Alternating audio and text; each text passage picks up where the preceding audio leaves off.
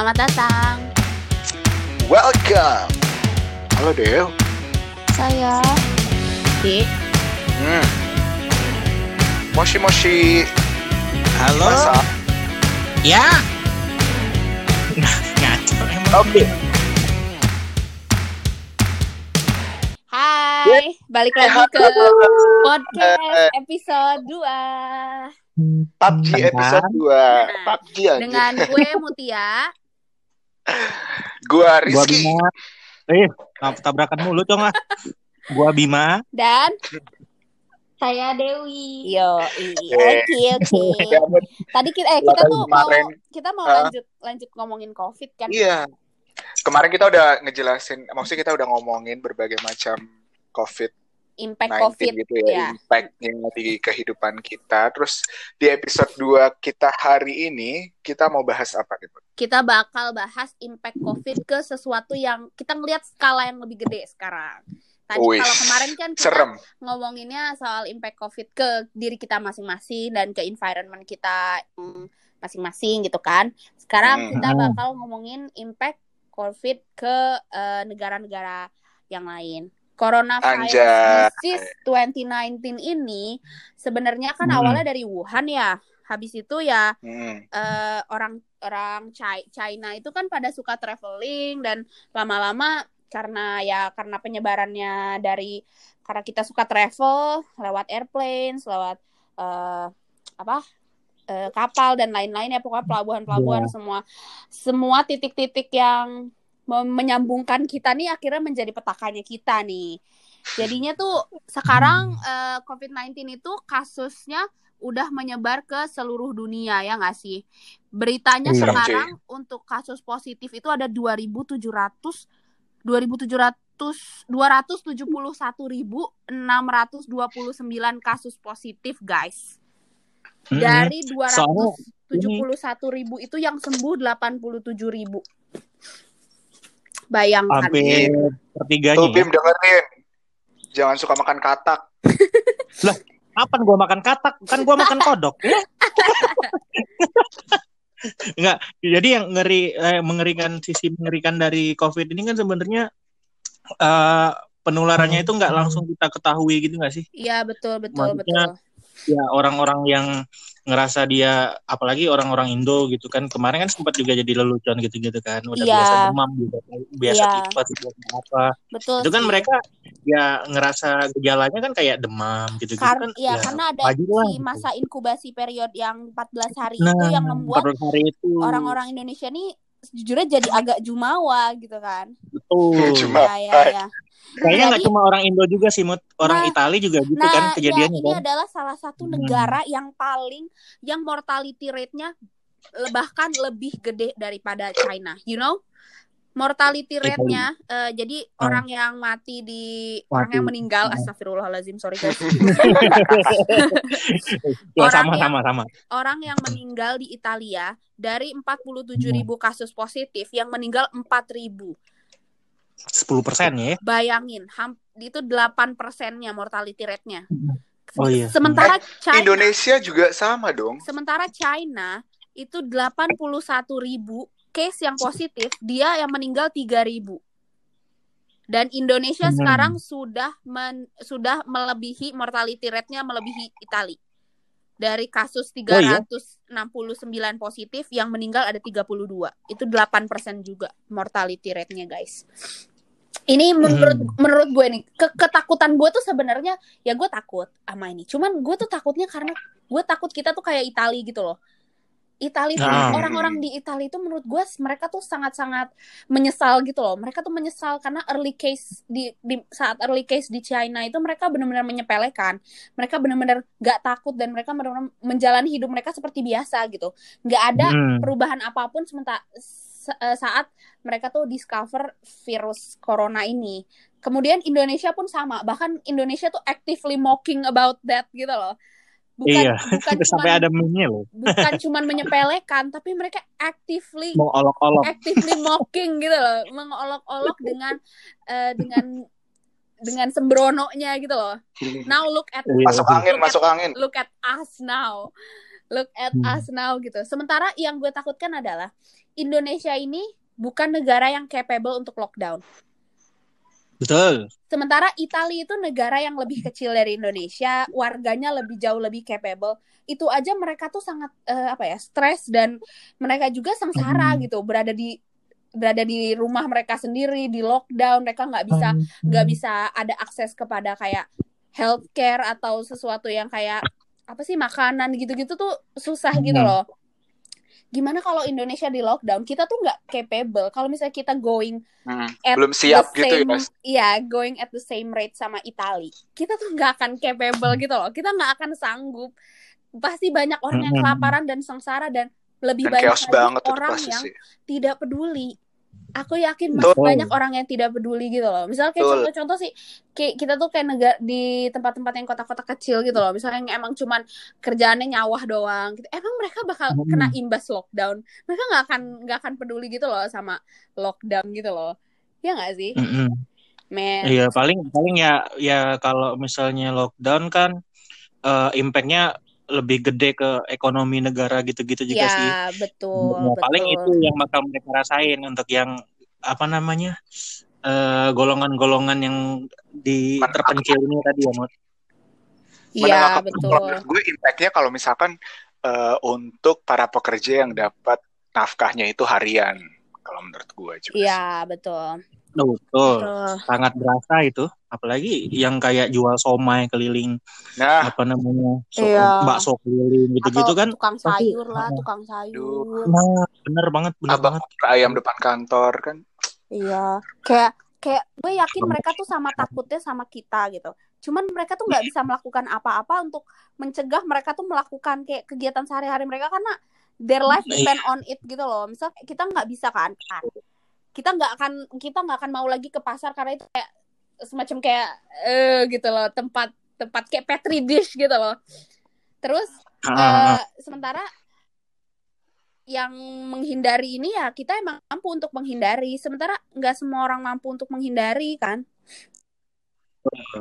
Bete Nah, banget. statement Ngomong-ngomong kalau misalkan kita udah negara-negara gitu ya gimana nih pengalaman tentang Ya anyway, ya eh, Rencana. while, while we're still talking about lockdown, lockdown itu kita belum ngasih ini, kita harus ngasih dulu ngasih penjelasan lockdown Oh, itu. iya, iya, iya, udah. lockdown itu apa sebenarnya? Lockdown itu kan sebenarnya kita harus self quarantine dan tidak ada yang boleh masuk atau keluar dari negara tersebut Keluar, begitu kan. teritori. Nah, Oh, Nah, Betul. jadi while we're talking about lockdown ini, karena selain ada imbas lockdown itu ke ekonomi negara, ada imbas lockdown Hmm. lagi yang sangat juga me- me- imbas ke batin, imbas ke batin dan ya Batin kita you know, berempat. ke banyak lahir banyak batin ya. faktor dan banyak hal.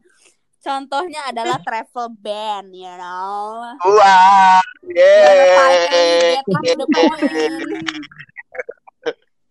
Anyway, travel travel ban itu nggak cuman eh, menghentikan menghentikan persebaran dari COVID-19, guys. Tapi travel ban itu Tapi juga menghentikan mimpi dan keinginan kita. Jika ada yang bilang ku ke Jepang, jangan. jangan kau dengar. Aduh. Rencananya kapan sih sebenarnya kita tuh mau ke Jepang? Awalnya dulu deh, awalnya deh. Dari kapan sih kita membicarakan Merencanakan itu? Ah, ya. biar biar Iya. kelihatan epic gitu loh Ah. menyedihkan Iya. cuy. Oke oke oke. Jadi eh, sebagai ketua panitia yang menginisiasi jalan-jalan ke Jepang ini, gue itu sebenarnya udah lama pengen ke Jepang. And then Iya. gue ngajak nih Rizky, eh, terus ayo Ki kita ke Jepang gitu. Ayo ayo. Terus tahun lalu tahun lalu itu kebetulan masih banyak Pertengahan deh ya. Kayaknya ya aw- awal awal tahun lalu itu masih banyak Oh, awal tahun keperluan aku. Iya. Jadi kayak udahlah Timothy kita ada keperluan. kita eh, coba cari dulu orang-orang siapa aja yang mau ikut gitu kan. Nah terus awalnya yang kita ajak itu adalah Riz, eh, di Rizky DJ sama DJ Gusti. Gusti. Nah tapi eh, Hmm. at- terus kita terus kita mikir ah ajak yang lain aja yuk gitu ajak yang lain juga akhirnya masuklah si Bima sama Dewi. Dewi dulu yang Oh. Dewi, oh iya Dewi dulu betul. Sorry sorry Dewi. Marah-marah. Dia ke Balikpapan mute. Oh iya betul, iya betul. Ah, gue juga lupa banget soal itu. Iya Dewi ke Balikpapan, Iya, Dewi terus terus abis itu gue keceritain lah rencana gue untuk traveling ke Jepang. Terus Dewi bilang, gue mau ikut. Gue eh, tanyain aja sama cewek-cewek yang lain ada yang mau ikut apa enggak. Tapi ternyata pada udah punya rencana masing-masing. Kalau nggak salah Marta ke Thailand, kalau nggak salah waktu itu ya Dewi ya. Iya, jadi pada terus Kinan juga eh, udah ada rencana atau gimana Iya. gitu ya. Pokoknya endingnya cuman Dewi yang mengiyakan. Dewi lah akhirnya gue ajak ke grup. Terus kayak Dewi deh yang ngajakin Bima ya Dewi. Iya benar. Eci. Ceritain dong, ceritain dong deh waktu ngajak Bima kayak gimana? Hmm, gimana ya Di ceritanya? PM sama Bundo kayaknya gue kemarin. Nah, Oh, ini kan gini. Eh, sama Dewi sama Dewi, sorry. Awal- Bundo rencana lagi. awal. Jadi kan rencana awal tuh eh, ada Rizky, Mute, DJ, dan Gusti plus aku nih. Tiba-tiba kan yang benar-benar fix itu tuh tiga nih. Kan Oh cuman iya, kita betul, bertiga. Nah, terus eh, gimana kalau bertiga doang kan kayaknya kurang rame. Ya ya. Dan eh, Bima ini kebetulan tipe yang kalau diajak ayo gitu loh, enggak Ah. enggak enggak nolak. Hmm, gitu. Bener bener bener bener Iya, bener. iya, saya berinisiatif ajak Bima untuk Ya ikut ya ya. rencana perjalanan kita biar sedikit Ah. rame. Ya ya betul betul. Ya sih betul ya Se- setelah Dewi join itu DJ sama Gusti nge-cancel ya gara-gara mereka mau eh, belum Ada Ada keperluan Keperluan Iya. sendiri lah. ada keperluan sendiri. Oke, terus habis itu join lah si Bima ya. Baru pertengahan tahun kita mulai planning ya dari situ ya. Eh, si Fitra Mut, si Fitra Mut. Iya dari oh dari pertengahan tahun itu saat kita mulai planning, aku kita punya kita punya teman di Korea Utara, eh Korea Utara lagi aduh. Utara. Keren banget coy Ri Jong Hyuk, di Jonghyuk kayaknya temen gua. Ri Jong Hyuk. Kapten Ri. Tapi gue tetap tim Seodan sih. Tim siapa? Seodan, Se- Seodan. Seodan, Seodan. Se- Seodan. Oh kasihan. Nah. Seodan, Kalau tadi kasihan. crash landing dah. Kan ada bikin episode sendiri, bikin episode Aduh, sendiri. ya anyway, anyway, back to the topic. Eh, jadi si Pitra ini tinggalnya di South, South Korea, sekolah. Terus eh kita, eh aku aku cerita kalau aku rencana mau ke Jepang. Terus dia bilang mau ikut dong. Nanti dia susulin dari Korea. Terus ya udah. Akhirnya kita nambah personil tuh orang yang dari South Korea langsung kita dari Jakarta gitu kan. Terus bulan-bulan Juli apa Agustus gitu kita beli tiket ya akhirnya ya. Wih, September banget. awal Mut, September Oh, awal. September awal Jadi kita akhirnya beli tiket Agustus ya. itu udah nyari-nyari tiket kan. Ya ya ya. yang selainnya gua awalnya pengen eh, apa namanya mencar sendiri lewat lewat Kuala Lumpur gitu-gitu kan akhirnya nggak jadi tuh Hmm, Jadinya bareng. di sana, jadinya bareng karena dapat promo ya kemarin itu ya Iya, travel, betul. awalnya nyari dulu travel fair cuy. Oh Kita iya iya iya betul. fair, Datang-datangin Heeh. travel fair, ternyata nggak ada yang cocok juga harganya. Iya. Datengin travel fair sampai aku nyuruh adek aku ke travel fair inget gak sih? Iya, iya iya iya nyari Ngantri kartu itu ya. Iya, aduh lucu banget nyari kartu kredit, minjem kartu kredit. Kinan apa siapa kemarin? Intinya, intinya kita tuh berjuang lah untuk mendapatkan si tiket ini. And then finally di ah, di awal September kita beli tiket dan kita merasa wah Yeay. rencana kita tuh udah Jadi kita, jadi. kita selangkah lagi ke Jepang guys. tinggal tinggal gua doang yang panik bikin visa tuh Iya, terus kita punya permasalahan visa, cuman eh, abis itu kayak paspor dan semuanya tuh overcome dari yang paspor gue udah mau mati, paspor Dewi juga udah mau mati. Cuman akhirnya kita beli tiket dan kita udah selangkah lebih lebih maju daripada sebelumnya kan. Terus Yes. gue mengassign tugas-tugas ke kalian, terus kita bikin itinerary kayak gitu kan. And then masuklah ke awal tahun. Aku udah mulai eh, kayak ngumpul-ngumpulin kayak misalnya aku pengen beli coat, aku eh, belanja oh kita kita pesan hotel dulu nggak sih mut itu Oh, iya, a- akhir uh, tahun ya, Desember kalau Oh nggak ya salah kita tuh selain selain tiket pesawat udah pesen Airbnb juga ya bang ya. Jadi masing-masing. DP Aduh, dengan seneng banget gue udah bayangin coy tidur di sana. dengan Airbnb yang di Osaka yang super keren yang satu rumah yang ah lovely banget tempatnya. Gue gue udah gue udah bayangin pagi-pagi gue bisa masak, iya makan cuy, apa. udah kayak begitu masuk 2020 tuh kayak everything feels so close gitu loh. Aduh Kita bentar lagi bentar lagi. prepare semua. Even maksudnya yang kecil-kecil tuh kayak aku sama Mutia tuh udah preparing. Oke, eh, gue bawa abon ya Dew. Maksudnya untuk untuk Iya. hal-hal yang kecil-kecil. Oke, lo bawa benang gitu loh. Tahu nggak? Tahu nggak sih? Tahu nggak sih? Eh, di bulan kemarin kan bulan Februari kan aku pulang ke Jakarta buat ngurus visa Jepang itu kan. Terus aku Mm. bilang kan ke ibu, Bu, em, aku mau bawa abon gitu buat ke Jepang nanti. Oh ya udah. Jadi tuh abon tuh sekarang udah ada di Balikpapan. abon yang harus nyampe Jepang. Kayaknya kayaknya itu abon juga kecewa deh nggak bisa ke Jepang. tapi ini ini kita kan belum kasih tahu mood Eh, plannya itu kapan ke Jepangnya Oh, iya, jadi betul. plan ke Jepangnya itu kita berangkat dari Jakarta tanggal 10 10 April ya April. kalau nggak salah 10 April terus baliknya lagi tuh tanggal 18 April Ya. Nah, jadi ceritanya kemarin kan udah beli-beli semuanya tuh. Mhm. Gua juga di awal Januari tuh balik ke rumah. Itu karena ada ketidakcocokan ant- nama antara paspor dan biodata eh biodata data lainnya ngurus di, di kelurahan gitu-gitu udah udah sampai segitunya gitu loh.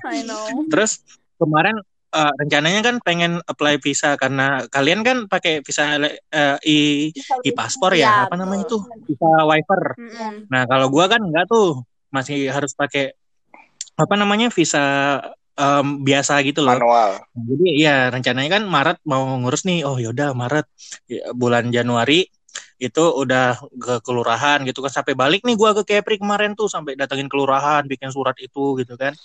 Terus di akhir Februari kemarin juga udah print eh, rekening koran gitu-gitulah pokoknya Ya, mah heeh. udah udah lengkap banget itu. udah persiapan Terus visa ya. akhir- udah persiapan bisa.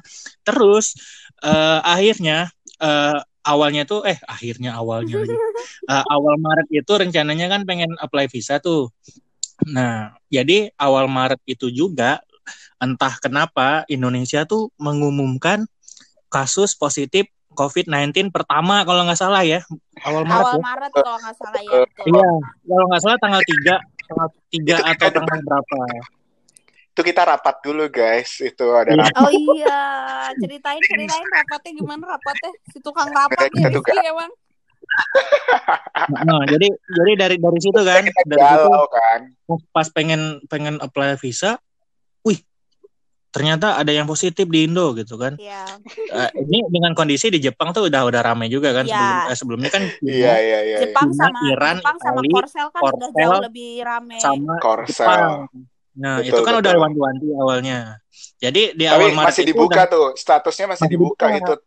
iya orang teman kita bulan madu Iya Iya betul. Nah, apa namanya eh abis itu ngajuinlah surat keterangan eh, kerja dari kantor kan Aha. kan syarat visa kayak gitu tuh Mhm. jadi apply lah di web kantor gitu kan di portal Heeh. Eh, setelah beberapa hari kemudian itu ditelepon sama orang HCM Heeh. orang HR gitu ya Heeh. Mas Bima ini bener ya mau eh, mau ke Jepang ya katanya gitu Heeh. kan Iya mas, itu kemarin saya udah apply di di web gitu kan untuk surat keterangan itu. Heeh. Terus dari dia, ini ini siang nih dia nelpon. Eh ini sore sore dia nelpon.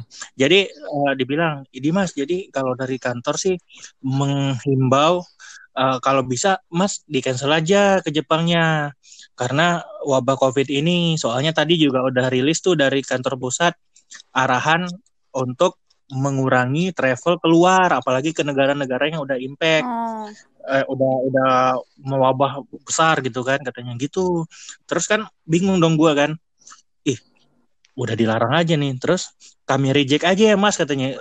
Nah setelah itu kan gue bilang sama kalian-kalian kan kalau nggak salah Iya, eh, di grup. Nah. di, di kantor Iya. nggak ini nih reject, aduh gitu kan. Ya sudah, Mulailah rapat Mulailah. rapat terbatas. Iya. Jadi sebenarnya karena karena kita tuh sebenarnya ngebet banget pengen ikut apalagi Mutia karena itu sudah mempikan dari zaman dahulu kala Ayo, terus akhirnya kita sudah beli tiket dan dengan berbagai macam drama paspor dan visa hmm. akhirnya kita selangkah lagi berangkat ke Jepang Ayo. gitu kan terus kayak mulai masuk kasus covid Terus udah tuh satu-satu mulai luntur si Dewi, eh, orang tuanya. Awalnya iya, Dewi. Dewi. Awalnya Gimana sih ceritanya? Dewi. Dewi. Ya, awalnya mulai galau. Jujurnya. Iya, kapan Dewi kan kapan Dewi galau. Ya, Gak boleh sama orang tua terutama. Coba coba. Iya, jadi emang uh, yang uh, pertama kali mengguncang rencana ini tuh dari sisi aku karena um, Kapan sih itu Bunda? Itu Februari. Februari tuh awalnya kan gini. Hmm. Uh, COVID-19 ini kan emang belum masuk di Indonesia tuh saat itu, tapi sudah menyebar ke beberapa negara, salah satunya Jepang. Keluarga kan tahu aku mau ke Jepang untuk uh, tahun ini bulan April. Nah, mereka itu lumayan resah sejujurnya.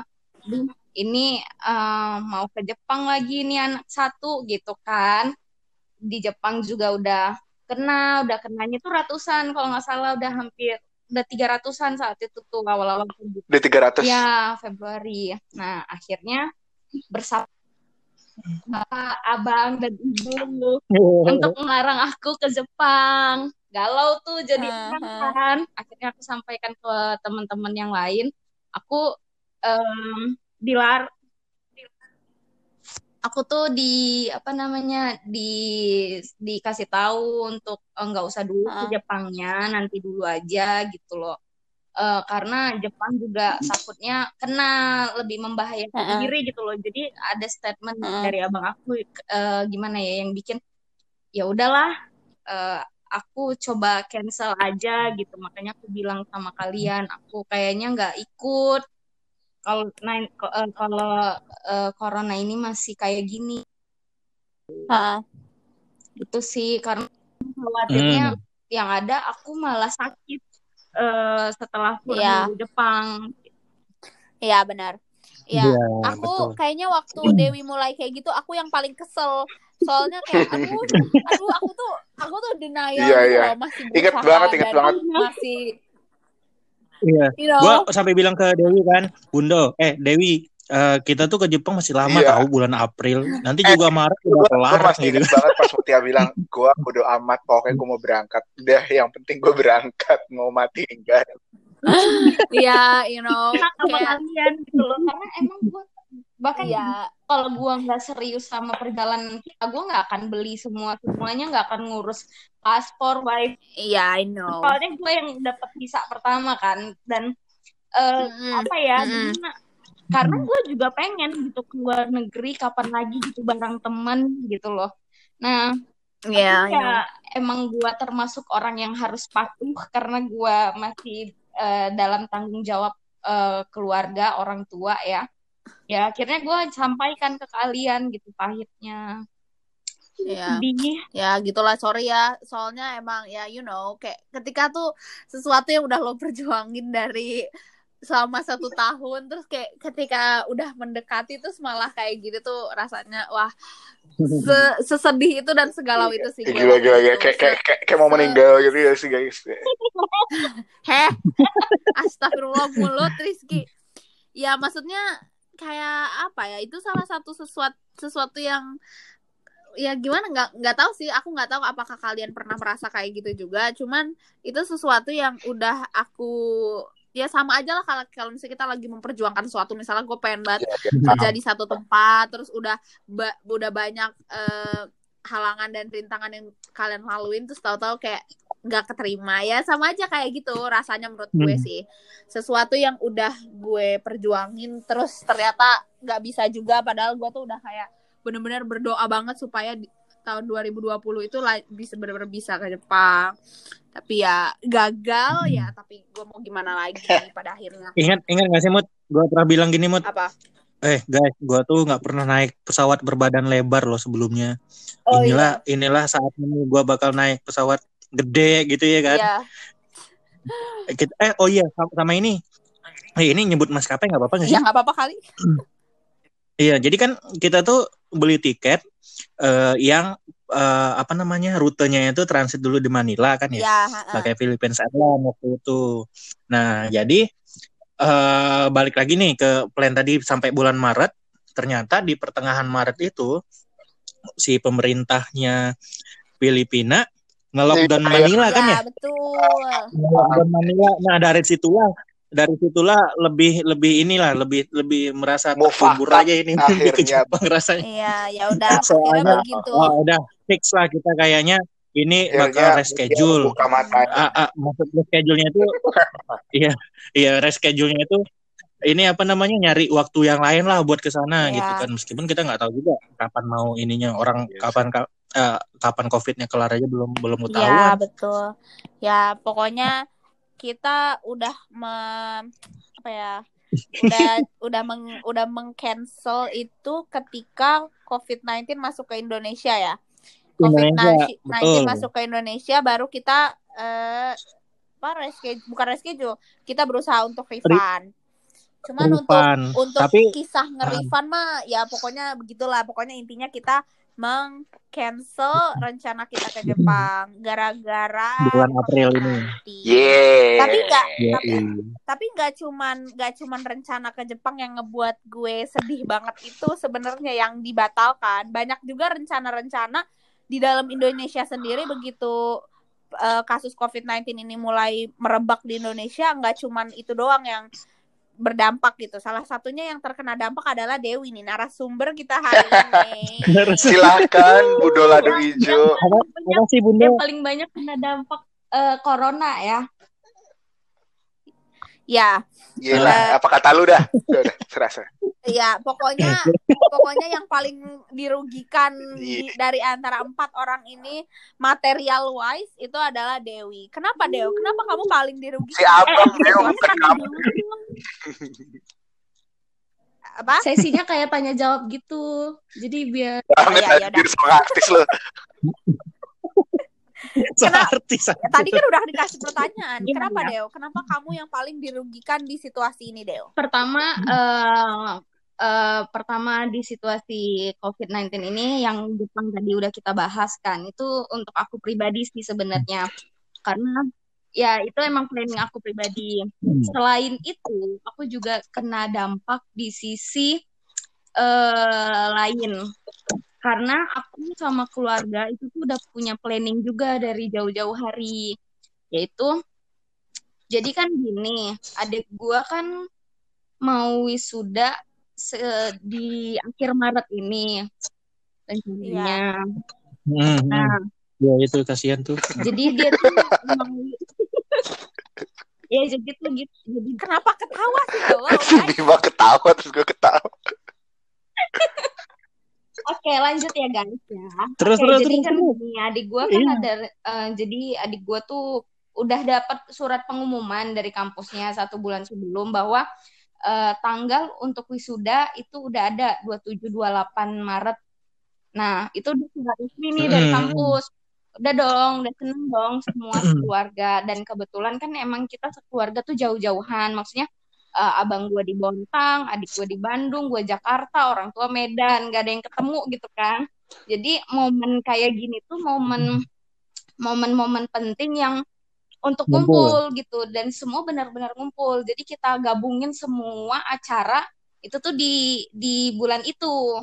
Nah, jadi karena kan kita mikir uh, oh ini juga udah surat keluar dari kampus kan dari bulan yang lalu udah dong prepare semuanya hmm. jadi uh, uh, kebutuhan untuk wisuda lah kayak baju baju sekeluarga tuh udah dibuat sampai anak bayi juga udah di udah dikasih bahannya gitu loh udah jahit terus uh, apa namanya kita hmm. prepare hmm. juga kan jadi abang gue yang dari Bontang datang ke Jakarta gitu juga orang tua datang ke Jakarta dari Jakarta mereka uh, menuju Bandung. Karena kan Bandung sekarang bandaranya udah di kota Bandung kan ya di mana tuh? Gue lupa. Pokoknya makanya singgah dulu di Jakarta. Jakarta Jati. Nah benar. Jadi hmm. jadi rencananya tuh gitu. Sekeluarga tuh abang gua udah kan di Bontang tuh. Bontang kan dia harus ke Balikpapan dulu. Bontang Balikpapan Balikpapan Jakarta. Orang tua juga gitu Medan Jakarta. Sedangkan gua kan udah di Jakarta kan Nah, jadi dari Jakarta itu tuh udah di prepare semua tiket. Udah bukan di prepare, udah dibeli semua. So, ya bayangin aja tuh berapa banyak manusia tuh yang mau dibeli yang dibelikan. Nah, dari hmm. Jakarta Bandung kita juga udah buat udah beli gitu kan kita naik kereta tuh rencananya Jakarta Bandung nah terus kita juga planning kan hmm. karena ini momennya hmm. eh, momen kumpul kita tuh mau ya jalan-jalan dulu lah di Bandung gitu kan sebelum acara wisuda dan setelah wisuda gitu hmm. gitu kan jadi kita rencana tuh lima iya, hari ya, layaknya wisudaan biasanya keluarga iya lima ya. hari empat malam kalau nggak salah tuh di Bandung rencana emang kita jadi dari tanggal hmm. 26 udah di Jakarta dan ke Bandung. Di Bandung lima hari empat malam. Hmm. Di situ kita juga udah prepare sih, udah prepare untuk uh, apa namanya kendaraan okay. yang mau kita pakai selama di Bandung. Adik gue juga nyari ah gitu kan, udah hmm. semua kita prepare. And then uh, rencananya lagi plusnya kita tuh bukan cuma sampai di Bandung hmm. gitu loh jadi rencananya itu kita habis Bandung, mm. gila, gila. kita tuh ke Jakarta lagi, nginep mm. untuk istirahat, and then ke Medan ngumpul Mantap. Terus ke Medannya udah beli tiket nggak Bundo? Eh Dewi. Kenapa Bim? Ke Medannya dari Jakarta sudah itu udah beli tiket belum? Guys, sudah semua. Dan FYI, ke Medan itu uh, seharga PP Jepang ya. Maaf. Oh iya. Makanya saya jangan pulang ke Medan karena eh, Medan tuh mahal ongkos tiket pesawat bagi orang-orang Medan yang merasakan itu. Saya juga merasakannya ya. Dan bayangkan itu berapa banyak orang yang akan dibawa dari Jakarta ke Medan. Nah, setelah itu, oh my God. aku udah oh. di Medan. Kita tuh di Medan uh, bukan cuman sekedar kumpul doang, tapi kita emang udah buat acara, buat planning, buat acara syukuran wisuda adik gua, sama kita mau buat acara ulang tahun hmm. anak bayi yang ke satu tahun gitu kan. Nah, tiba-tiba oh. COVID-19 datang. Hmm. Assalamualaikum. datang Indo, datang Indo. Dan awalnya tuh belum belum gimana yeah. gimana ya. Awalnya itu oh masih satu orang, eh masih dua orang ya yang pertama kali kenakan. Oh masih dua orang nggak kenapa kenapa. Iya. Yeah. Kalau nggak salah se uh, beberapa hari kemudian kan melonjak tuh. Pemerintah mengeluarkan hmm. aturan uh, dilarang untuk melakukan perkumpulan dan lain-lain. Nah, salah satu iya, adalah wisuda dibatalkan. Jadi berapa hamin berapa hari ya bunda ya itu ya? Hamin dua minggu sih. No masih seming semingguan gak sih itu? Oh ini kan Hah? dia wisudanya. Tadi kan tanggal dua tujuh kan? Dua tujuh. Uh, sorry, dia itu wisuda dua tujuh dua delapan kalau nggak salah. Nah, mm -hmm. Terus dikasih tahunya kapan? Tanggal, tanggal pertengahan Maret ya? Nah, masih ming masih masih semingguan tapi kan ya tetap aja yang udah dibeli semua. Iya, jadi itu bener banget tuh. Nah. Bayangin aja banyak teman-teman ini kan teman-teman junior-junior gitu yang pengen wisuda, udah beli tiket, udah pesen hotel gitu-gitu ya pada pada jual murah akhirnya. Jual murah ini nih apa dijual murah aja karena orang tua nggak jadi datang wisuda batal kayak gitu. Ini si Lukman sekarang uh, lagi hmm. digambir untuk nge-cancel tiket dia ke Bandung. sama orang sama ini tuanya. yang yang si Lukman bilang yang kampus di Surabaya itu. ITS yang ya? awal harus uh, iya. yang harusnya harusnya wisuda katanya beberapa jam sebelumnya di cancel. Iya itu ah, sedih ah, banget lebih, lebih lebih menyakitkan lagi sih itu. Menyakitkan. di batin semua orang kalau itu sih. Itu Bundo eh, Bundo Dewi itu di cancel apa diundur nah, sih? jadi keputusan dari kampusnya itu sebenarnya diundur diundur jadi adik dua bakalan hmm. uh, yang untuk kan nih sudah di teli itu kan ada tiga tuh Maret Agustus sama November jadi karena di ah. Maret ini hmm. tidak uh, dilaksanakan kemungkinan yang Maret akan diundur ke hmm uh, Agustus gitu. Agustus. Jadi mungkin uh, periode wisudanya bukan hmm. satu hari dua hari, tapi uh, dibuat selama seminggu itu loh empat hari. hari ya kayaknya nah jadi untuk yang periode Maret ini ya, sudah ya, bakalan wisuda di hari itu di bulan Agustus apabila COVID-19 ini sudah hmm. reda di Indonesia. Kalau belum juga mungkin bakalan diundur lagi ke November gitu loh. Iya, iya, iya. Jadi, oh, jadi nih Deo, Deo, Deo, jadi estimasi kerugian lu sekeluarga kira-kira berapa? Oh, saya tahu ya sejujurnya karena eh, bukan saya yang membeli tiket.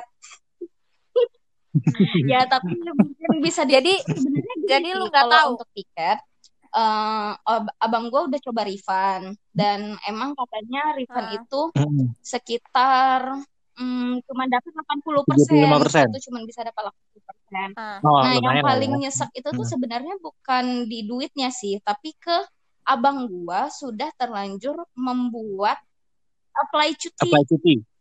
Jadi bayangin dia tuh apply cuti itu dari tanggal 26 Maret hingga 7 April. Itu tuh berapa lama cuti? Wow. bayangin. Nah. Oh. itu emang nggak nah, bisa di cancel bunda gue nggak ngerti gimana perusahaannya ya. Cuman emang katanya tuh nggak bisa di cancel gitu kan susah. Nah akhirnya Oke, okay, hmm. kalau ini kita mencoba ikhlaskan nih ya semuanya. Ya udah, adik gue nggak jadi wisuda nggak apa-apa. Hmm. Kita coba ikhlaskan.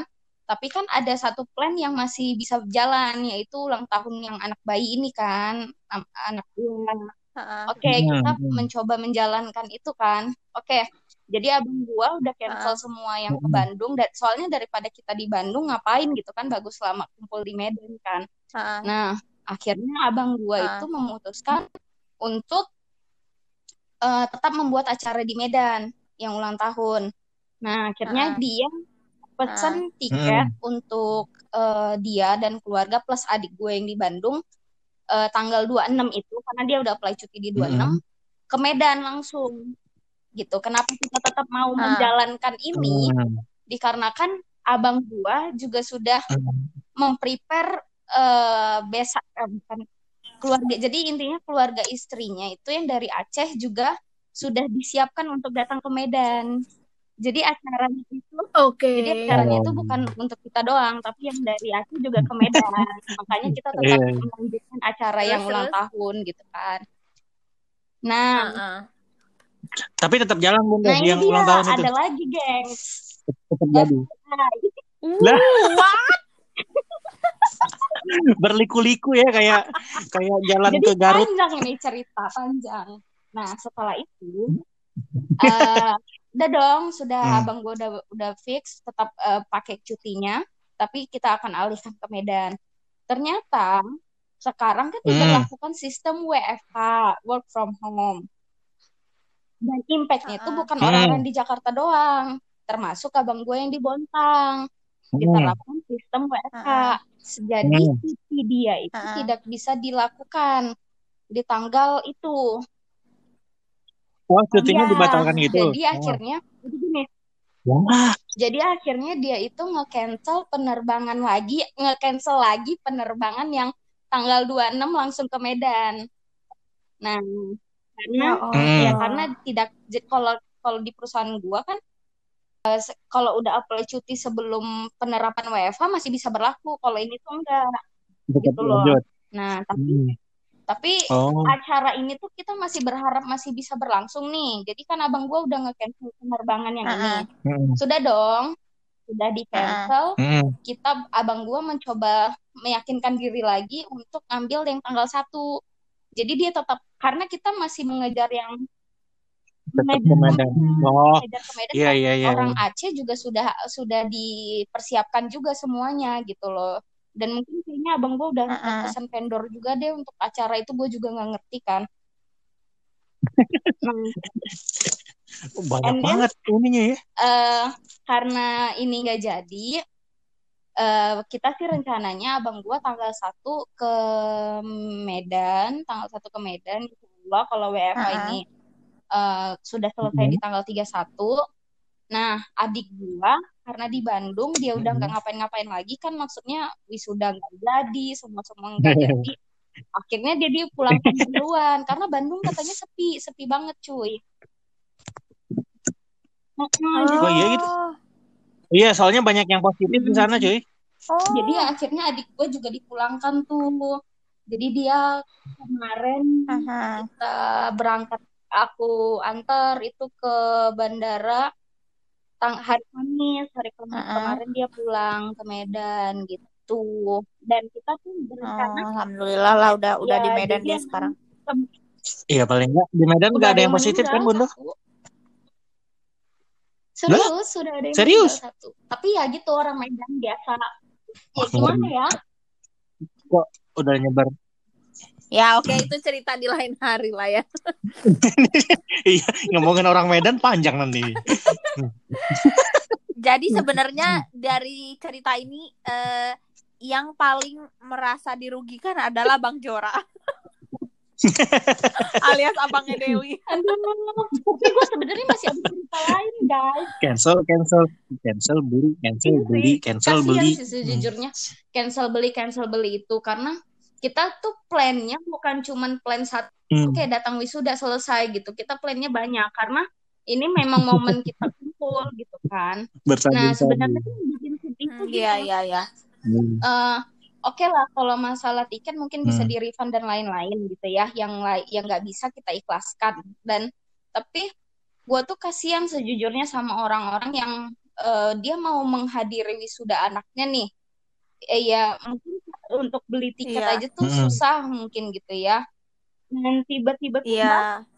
ya gimana ya hmm. ya rasanya ya kasihan gitu sama orang-orang kayak gitu gitu kayak yang hmm. jadi Betul. jadi kita tuh sebenarnya ya kita bete rencana kita gagal kita mengalami kerugian hmm. tapi tetap seperti episode kemarin yang gue bilang itu tetap ada yang lebih merugi dibanding kita lebih gitu kan merugi. karena kita Betul. posisinya kita posisinya masih mampu untuk menangani kerugian tersebut tapi masih banyak orang-orang yang kayak benar-benar emang uangnya uang mereka tuh mungkin mereka tuh jual sesuatu untuk bisa uh, beli untuk tiket itu, ya. untuk uh, hadirin wisuda anaknya apalagi itu, apalagi setelah wisuda ya Mut Iya. Apalagi sekelas wisuda anak ya.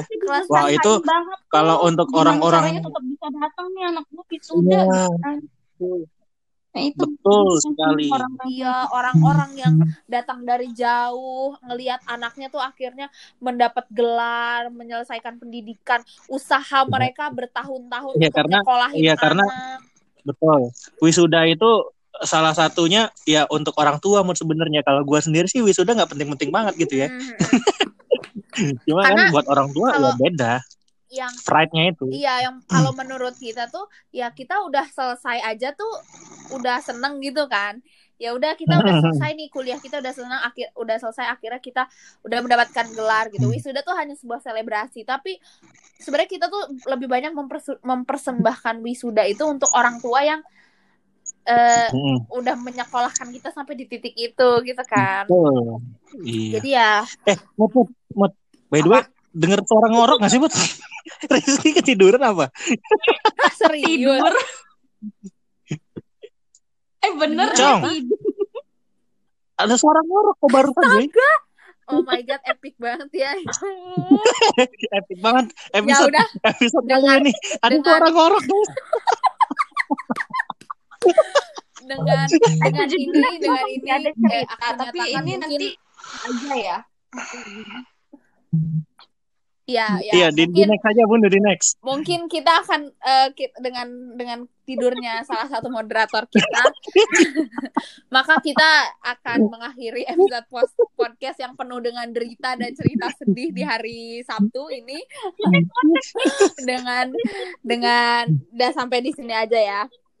Iya. Uh, Oke, okay, sampai jumpa. Biasa, sebelum sebelum kita akhiri kita harus memberi shout out dulu shout out kepada orang-orang yang sekarang sedang berjuang melawan COVID, yang berjuang untuk menyembuhkan orang-orang terkena COVID. Kita doakan hmm. mereka cepat. Semoga ada hikmahnya. Ya, semoga mereka juga ini. tetap diberi kesehatan untuk selalu berjuang. Dan untuk orang-orang yang udah kena COVID, mungkin kita doakan cepat sembuh dan cepat recover. Orang-orang yang terdampak oleh COVID, termasuk kita semua Stay dan Dewi dan abangnya dan semua orang di luar sana yang terdampak COVID dari sisi apa pun semoga diikhlas di diberikan keikhlasan dan uh, diberikan apa ya uh, ketabahan ganjaran. ya. eh ganjaran lagi. Diberikan apa namanya? ketabahan hikmah. hikmah, hikmah di balik itu semua. semoga kita semua bisa menemukan hikmah di balik uh, peristiwa ini dan kejadian luar biasa hmm. ini. Uh, dan semuanya harap stay at home. Stay apa mood di rumah aja hashtag stay at home hashtag di rumah aja hashtag social distancing Oke. Okay. Okay. Sampai jumpa Sampai di jumpa next episode. episode selanjutnya. Satu moderatornya soalnya udah ngorok tadi. Iya. Dadah. Dah.